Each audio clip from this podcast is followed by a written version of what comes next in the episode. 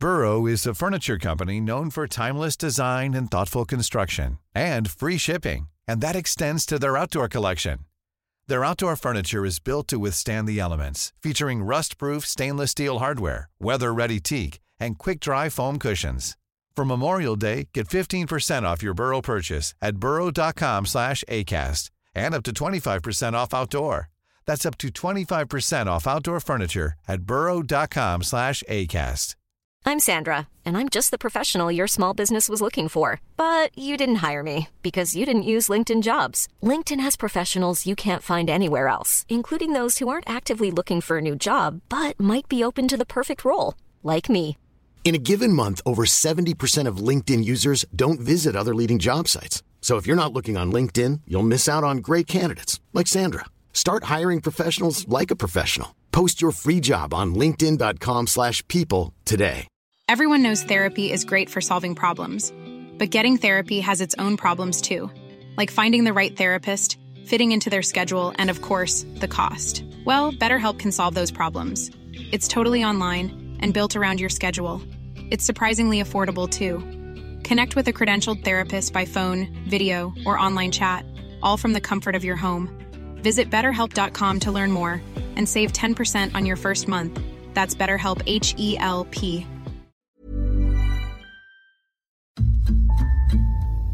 Kriminalkrøniken.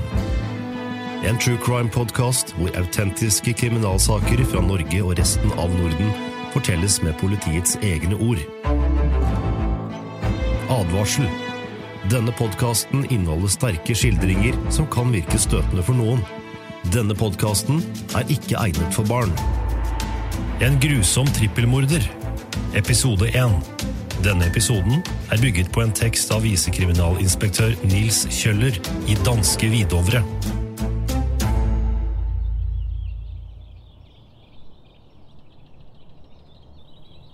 Denne 16. juni år 2000 var en deilig sommerdag, og for de fleste skolebarn årets beste, fordi det var siste skoledag før sommerferien.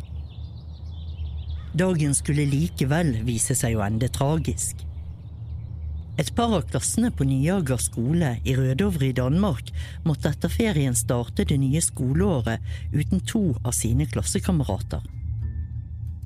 Dette er historien om en utrolig bestialsk drapssak, en meget omfattende og spesiell sak. Ikke mange saker i dansk rettshistorie har fått så stor offentlig oppmerksomhet.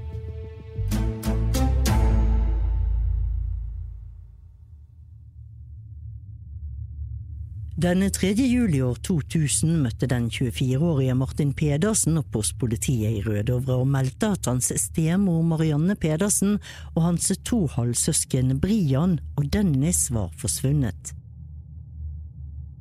Han var redd for at det hadde tilstøtt dem noe alvorlig. Han sa at det hele virket nokså mistenkelig. Martin kunne fortelle at han ikke hadde sett Marianne og guttene siden ettermiddagen 16. juni, da han hadde besøkt dem i hjemmet deres i Nørregårdsvei 26. Marianne hadde av ukjente årsaker vært noe småsur, men hun ga ikke inntrykk av å være urolig eller redd for noe. Hun nevnte heller ingenting om eventuelle reiseplaner, men fortalte at hun skulle gå på en avslutningsfest på skolen til guttene senere på dagen. Martin forklarte at han siden verken hadde sett eller hørt noe fra henne og barna. I dagene og ukene som fulgte, hadde han flere ganger vært ved huset deres uten å få kontakt. Allerede ved første forsøk registrerte han en lapp på hoveddøren hvor det på dansk og engelsk sto Vi er tilbake på 28.06.2000. Han ble overrasket over denne beskjeden. Da han et par dager senere kjørte til huset, hang det en ny lapp på døren, og denne gangen sto det Vi er tilbake på 28.07.2000. Men dette var ikke det eneste som Martin undret seg over. Marianne ville aldri ha reist fra uten å si fra til familien. En annen ting var at guttene skulle ha vært på feriekoloni like etter at skoleferien begynte. De møtte ikke opp ved avreisetidspunktet og hadde heller ikke meldt fra om at de ikke kunne være med. Martin hadde nøkler til huset, og like før han tok kontakt med politiet, hadde han låst seg inn for å se hva som kunne være på ferde. Hele huset så ut som en byggeplass innvendig. Blant annet var møblene trukket ut fra veggene og dekket til med plast. Martin var overbevist om at Marianne aldri ville ha forlatt huset slik, og da bilen hennes, en Ford Mondeo, sto permanent parkert ved innkjørselen, fant han situasjonen enda mer merkelig, og han gikk til politiet.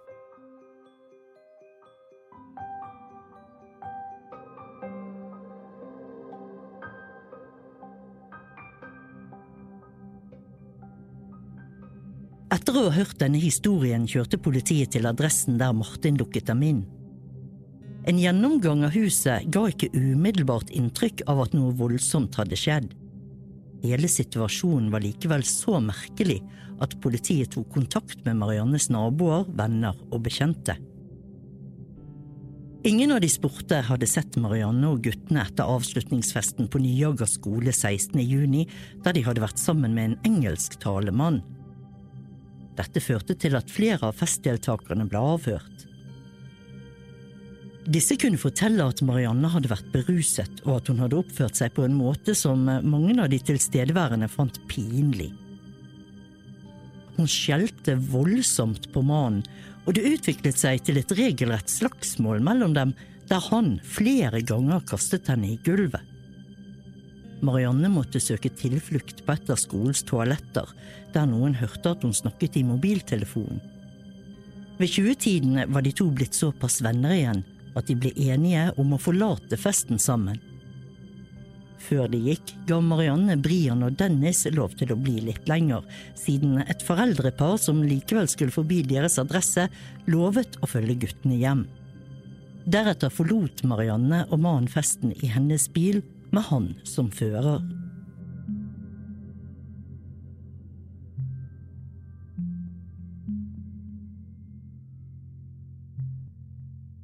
Om kvelden 3. juli sto politiet overfor den situasjonen at tre personer tilsynelatende var forsvunnet på mystisk måte. De kunne selvsagt ha reist bort helt spontant, men det passet på ingen måte med Mariannes normale oppførsel. På dette tidspunktet var det ikke noe som tydet på at noe voldsomt hadde skjedd i huset, men likevel hvilte det noe uhyggelig over hele saken. Senere samme kveld ble kriminalpolitiet koblet inn. Om morgenen etter ble de satt inn i saken.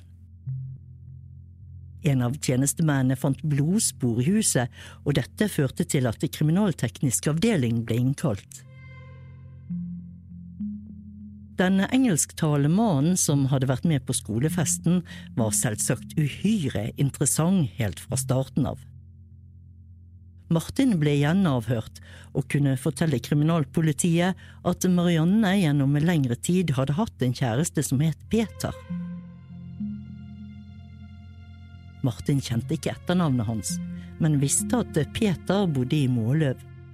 Han hadde telefonnummeret hans, Martin fortalte at Peter kom fra USA, og at han der var dømt for drapet på sin mor.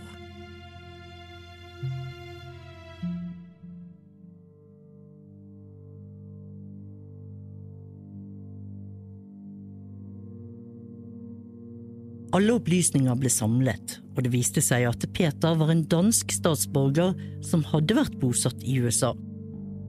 Han var gift med en dansk kvinne og bosatt i Måløv i et hus for sosialklienter. Politiet var fra starten av klar over at lappene på døren trolig var skrevet av en engelsktalende person.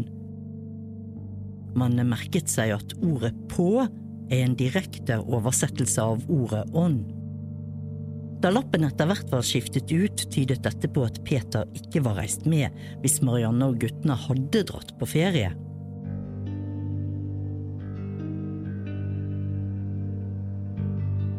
Peter Lundin var født i Danmark.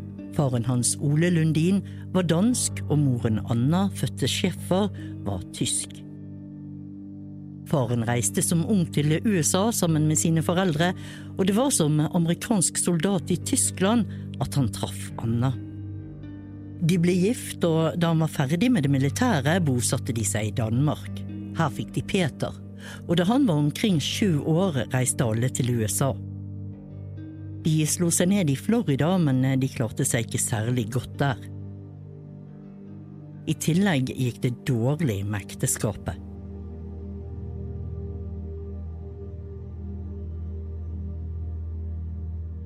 Etter en tid flyttet de til et lite samfunn, Maggie Valley, i staten North Carolina. Ekteskapet, som var preget av vold og spritmisbruk, ble stadig verre, og Peter utviklet seg fort til å bli en liten rakkerunge. Peter og faren holdt tilsynelatende sammen i tykt og tynt, mens de begge var voldelige mot Anna. Naboene måtte ofte tilkalle politiet, men det ble aldri reist sak mot dem. Anna torde ikke anmelde overgrepene mot henne.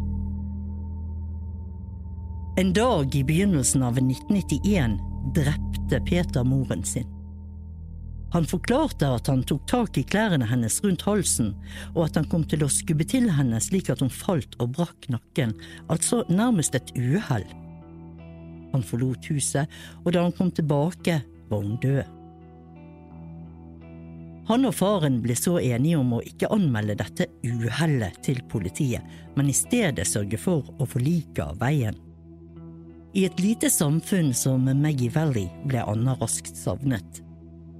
Dette forklarte de med at hun hadde reist til Tyskland, og at de senere ville reise etter når de hadde fått solgt eiendelene sine i USA. Naboene fant dette merkelig. De hadde aldri hørt Anna fortelle at hun skulle reise til hjemlandet. Peter og faren pakket liket inn i en plastsekk som de dukket med teip, og transporterte det 700 km ut til kysten, til et sted som ble kalt Buxton. Her begravde de liket i en sanddyne.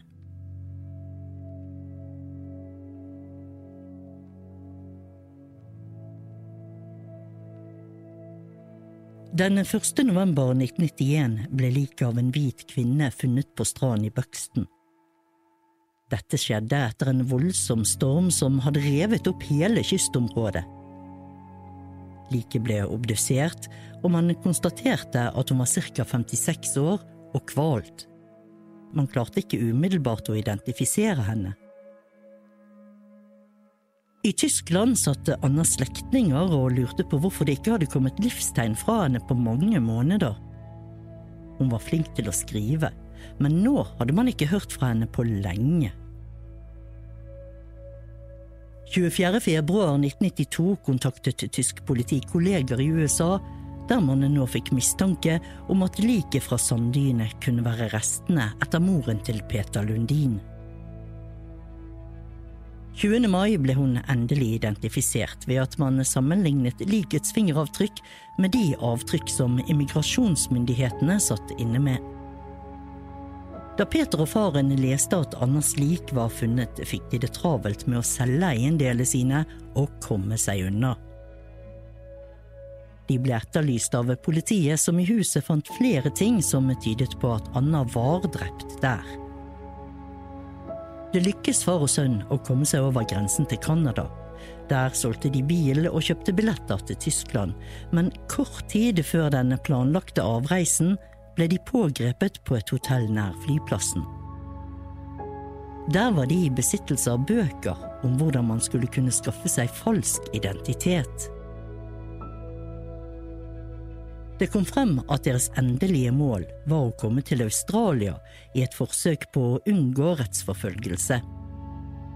De ble utlevert til USA, men det skjedde ikke helt uten problemer. I North Carolina var det dødsstraff, men ikke i Canada. Derfor reiste sjefen for påtalemyndigheten i North Carolina til Canada.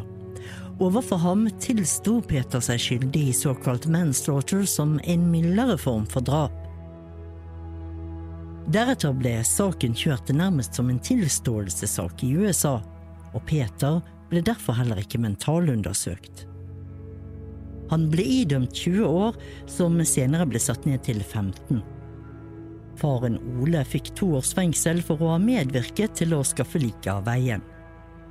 Begge ble dømt til utvisning til Danmark etter endt soning. Sommeren 1999 ble Peter løslatt etter halvtids soning på grunn av plassmangel i fengselet, og han skulle nå utvises til Danmark. Dette skapte problemer.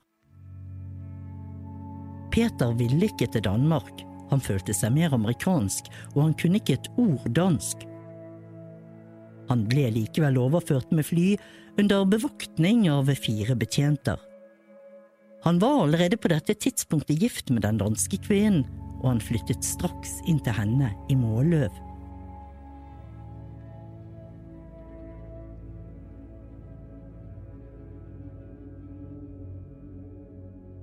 I 1994 laget dansk TV 2 programmet Faktoren. Dette handlet om drømmen om Amerika. I USA ble fire unge mennesker fra Danmark intervjuet om deres liv og fremtidsdrømmer. En av dem var Peter Lundin. Intervjuet med han i fengselet fikk et merkelig forløp. Han var på det tidspunktet 23 år gammel, han var veltrent, hadde langt, mørkt hår og var i mange kvinners øyne en ganske spennende og flott fyr.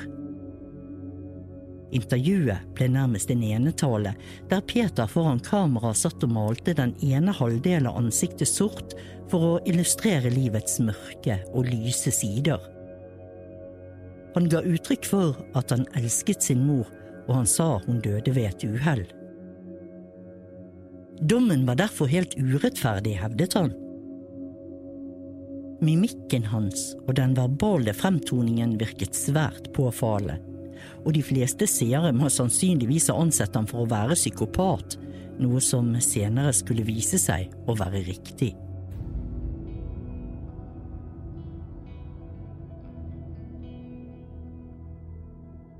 Mange kvinner fattet likevel stor interesse for ham, og han ble formelig overøst med brev. Flere av disse kvinnene sto siden fram i pressen og fortalte at de hadde skrevet til ham også etter at han ble fengslet i Danmark. Kvinnekretsen ble stadig utvidet, og selv helt unge jenter sendte ham kjærlighetsbrev.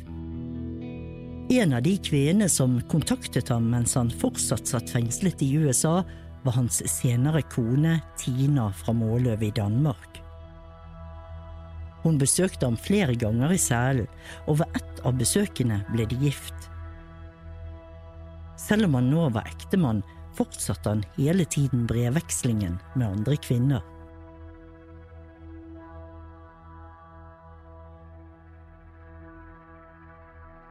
Peter flyttet inn hos sin kone Tina i Måløv sommeren 1999. Hun hadde på det tidspunktet en hjemmeværende datter på 15 år fra et tidligere ekteskap. Datteren var fra første stund imot morens ekteskap med Peter, og forholdet mellom dem var ikke særlig godt. En dag utpå høsten i 1999 ble Peter i et raserianfall voldelig mot Tina og datteren hennes, og denne episoden førte til politianmeldelse. I denne saken ble han 14. juni år 2000, to dager før drapet på Marianne og guttene, idømt fengsel i 30 dager. Etter denne hendelsen ble han kastet ut av leiligheten til Tina, og han flyttet inn i hennes hjem i Hillerød gate. Senere forsøkte han flere ganger å komme til forsoning med Tina og datteren, og han beklaget gjentatte ganger oppførselen sin. Tina ga etter hvert etter, og hun var innstilt på å gi ham en ny sjanse. Datteren var av motsatt mening. Hun ville overhodet ikke ha noe med ham å gjøre. Det utviklet seg til en reell konflikt mellom mor og datter. Tina måtte til slutt treffe et valg, og det falt ut til Peters fordel. En av grunnene til at hun valgte Peter, var at hun allerede før voldsepisoden var blitt klar over at hun ventet barn med ham.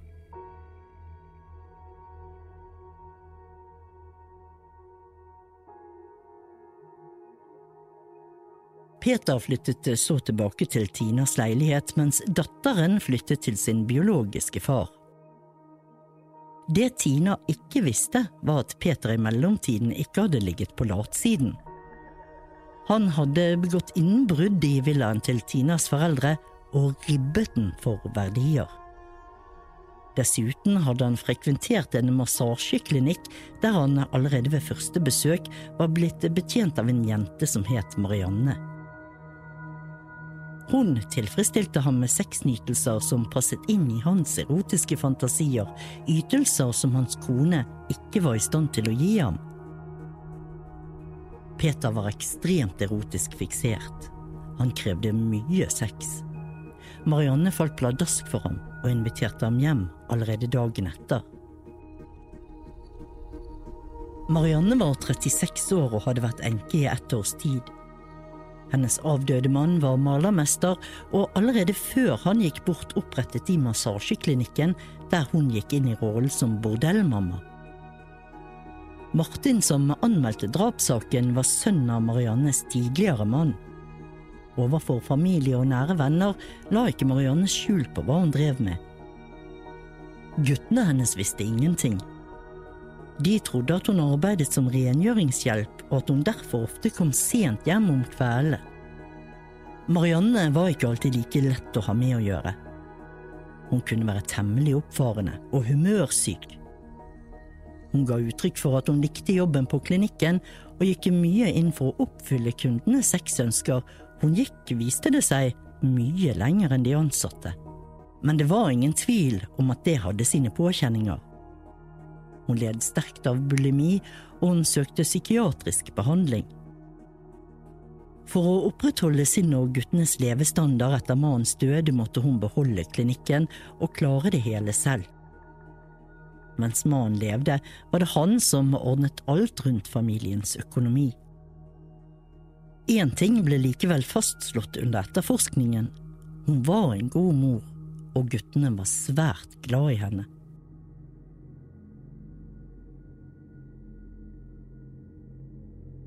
Om kvelden 4. juli år 2000 ble Peter pågrepet og siktet for drapet på Marianne og guttene som alle fortsatt var savnet. Men før dette skjedde foretok politiet mange overveielser var grunnlaget for en anholdelse til stede? 100% sikre var ikke politiet, men på den annen side var det farlig å vente. Man hadde i løpet av dagen avhørt adskillige personer, og Peter kunne derfor ha fått nyss om at saken var under etterforskning, og dermed stikke av. Politiet kjente godt til hans fortid, men tidligere drap beviser ikke automatisk at man gjør det igjen. Det var funnet flere blodflekker i leiligheten til Marianne, men de kunne godt være avsatt legalt. Resultatet av politiets overveielser ble at man valgte å slå til. Flere kriminalteknikere kjørte til en adresse der man gjennom entredøren kunne høre musikk og stemmer fra leiligheten. Det var altså noen hjemme. Det ble ringt på døren, man hørte fottrinn innenfor, men det ble ikke lukket opp. Heller ikke etter at det ble ropt og ringt kraftig flere ganger skjedde det noe. Det ble derfor besluttet å kontakte en låsesmed, men akkurat idet han dukket opp, ble døren åpnet av Peter. Han ble straks pågrepet og siktet for drap på Marianne og guttene. Peter virket helt upåvirket og nektet ethvert kjennskap til en eventuell forbrytelse. Han ble tatt med til politistasjonen for avhør, mens noen av kriminalbetjentene ble tilbake for å ransake leiligheten i nærvær av Tina. Man fant da Mariannes kort til metrobutikken og en lukket konvolutt med en større pengesum. Videre kom politiet over et foto av Marianne, tilsynelatende klippet ut av et pass og en liten bit av en passide med Mariannes underskrift og personnummer. Dette siste fant politiet meget interessant.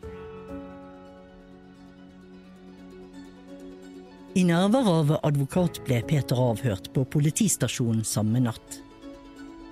Her gjentok han at han var uskyldig i drap på Marianne og guttene, og han fortalte villig om sitt vennskap med henne og hvordan dette hadde oppstått.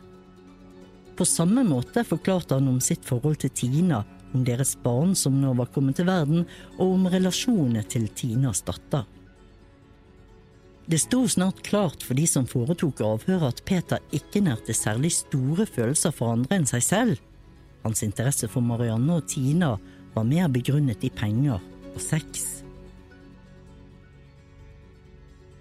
I avhøret bekreftet han at det hadde vært en del krangling mellom han og Marianne på skolefesten. Etter festen hadde de kjørt hjem til henne, og siden dro han hjem til Tina. Den 18. juni var han igjen i bopel til Marianne. Guttene var også hjemme, og hun hadde besøk av en ca. 60 år gammel mann som het Jørgen. Marianne hadde tidligere fortalt at denne Jørgen var en venn av henne, og han hadde mange penger. Marianne sa at hun senere på dagen skulle dra på ferie med Jørgen og guttene. Hun fortalte ikke hvor de skulle dra hen, bare at de ville være tilbake 28. juli. De skulle kjøre med bil til Jørgen som sto parkert ute på veien. Før Peter forlot huset, hadde Marianne bedt han om noen tjenester. Han skulle male terrassen og veggene inne i leiligheten og fjerne gulvteppene. Derfor trakk han møblene vekk fra veggene og dekket de til med plast. Mer rakk han ikke å gjøre innvendig.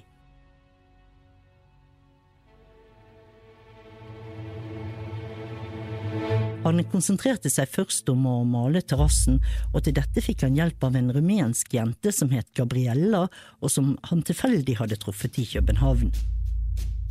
Han hadde også vasket og støvsuget bilen til Marianne og ryddet omkring huset. Da Marianne var reist, satte han en lapp på døren om når hun ville være hjemme igjen. Siden oppdaget han at han hadde skrevet feil måned og skiftet ut lappen med en ny. Han hadde ikke sett Marianne og guttene siden 18. juni, bedyret han. Peter ble konfrontert med det merkelige at Marianne ikke hadde fortalt familien om at hun skulle dra på ferie. Til det bemerket han at det kom av at hun på det tidspunktet var uvenner med sin mor. Han ble også gjort kjent med funnet av Mariannes passbilde og denne lille biten av en passide med hennes underskrift og personnummer. Han ble tydelig irritert over denne opplysningen og hadde ingen ferdigsydd forklaring på dette. Under et av de første avhørene av familien til Marianne og hennes venner kom det fram at Tina hadde sendt brev til Marianne hvor hun truet henne på livet dersom hun ikke holdt seg unna Peter. Vil du vite hva som skjer videre? Få med deg episode to av en grusom trippelmorder. Du har hørt En grusom trippelmorder, episode én bygget på en tekst av visekriminalinspektør Nils Kjøller i danske Vidovre. Forteller var Marianne Mo. Produsenter var Tia Dahl og Marianne Mo. For flere podkaster se radiometro.no slash podkast.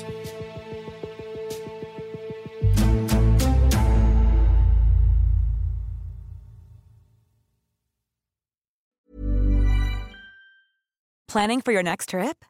Elevate your travel style with Quince. Quince has all the jet setting essentials you'll want for your next getaway, like European linen, premium luggage options, buttery soft Italian leather bags, and so much more. And is all priced at 50 to 80% less than similar brands.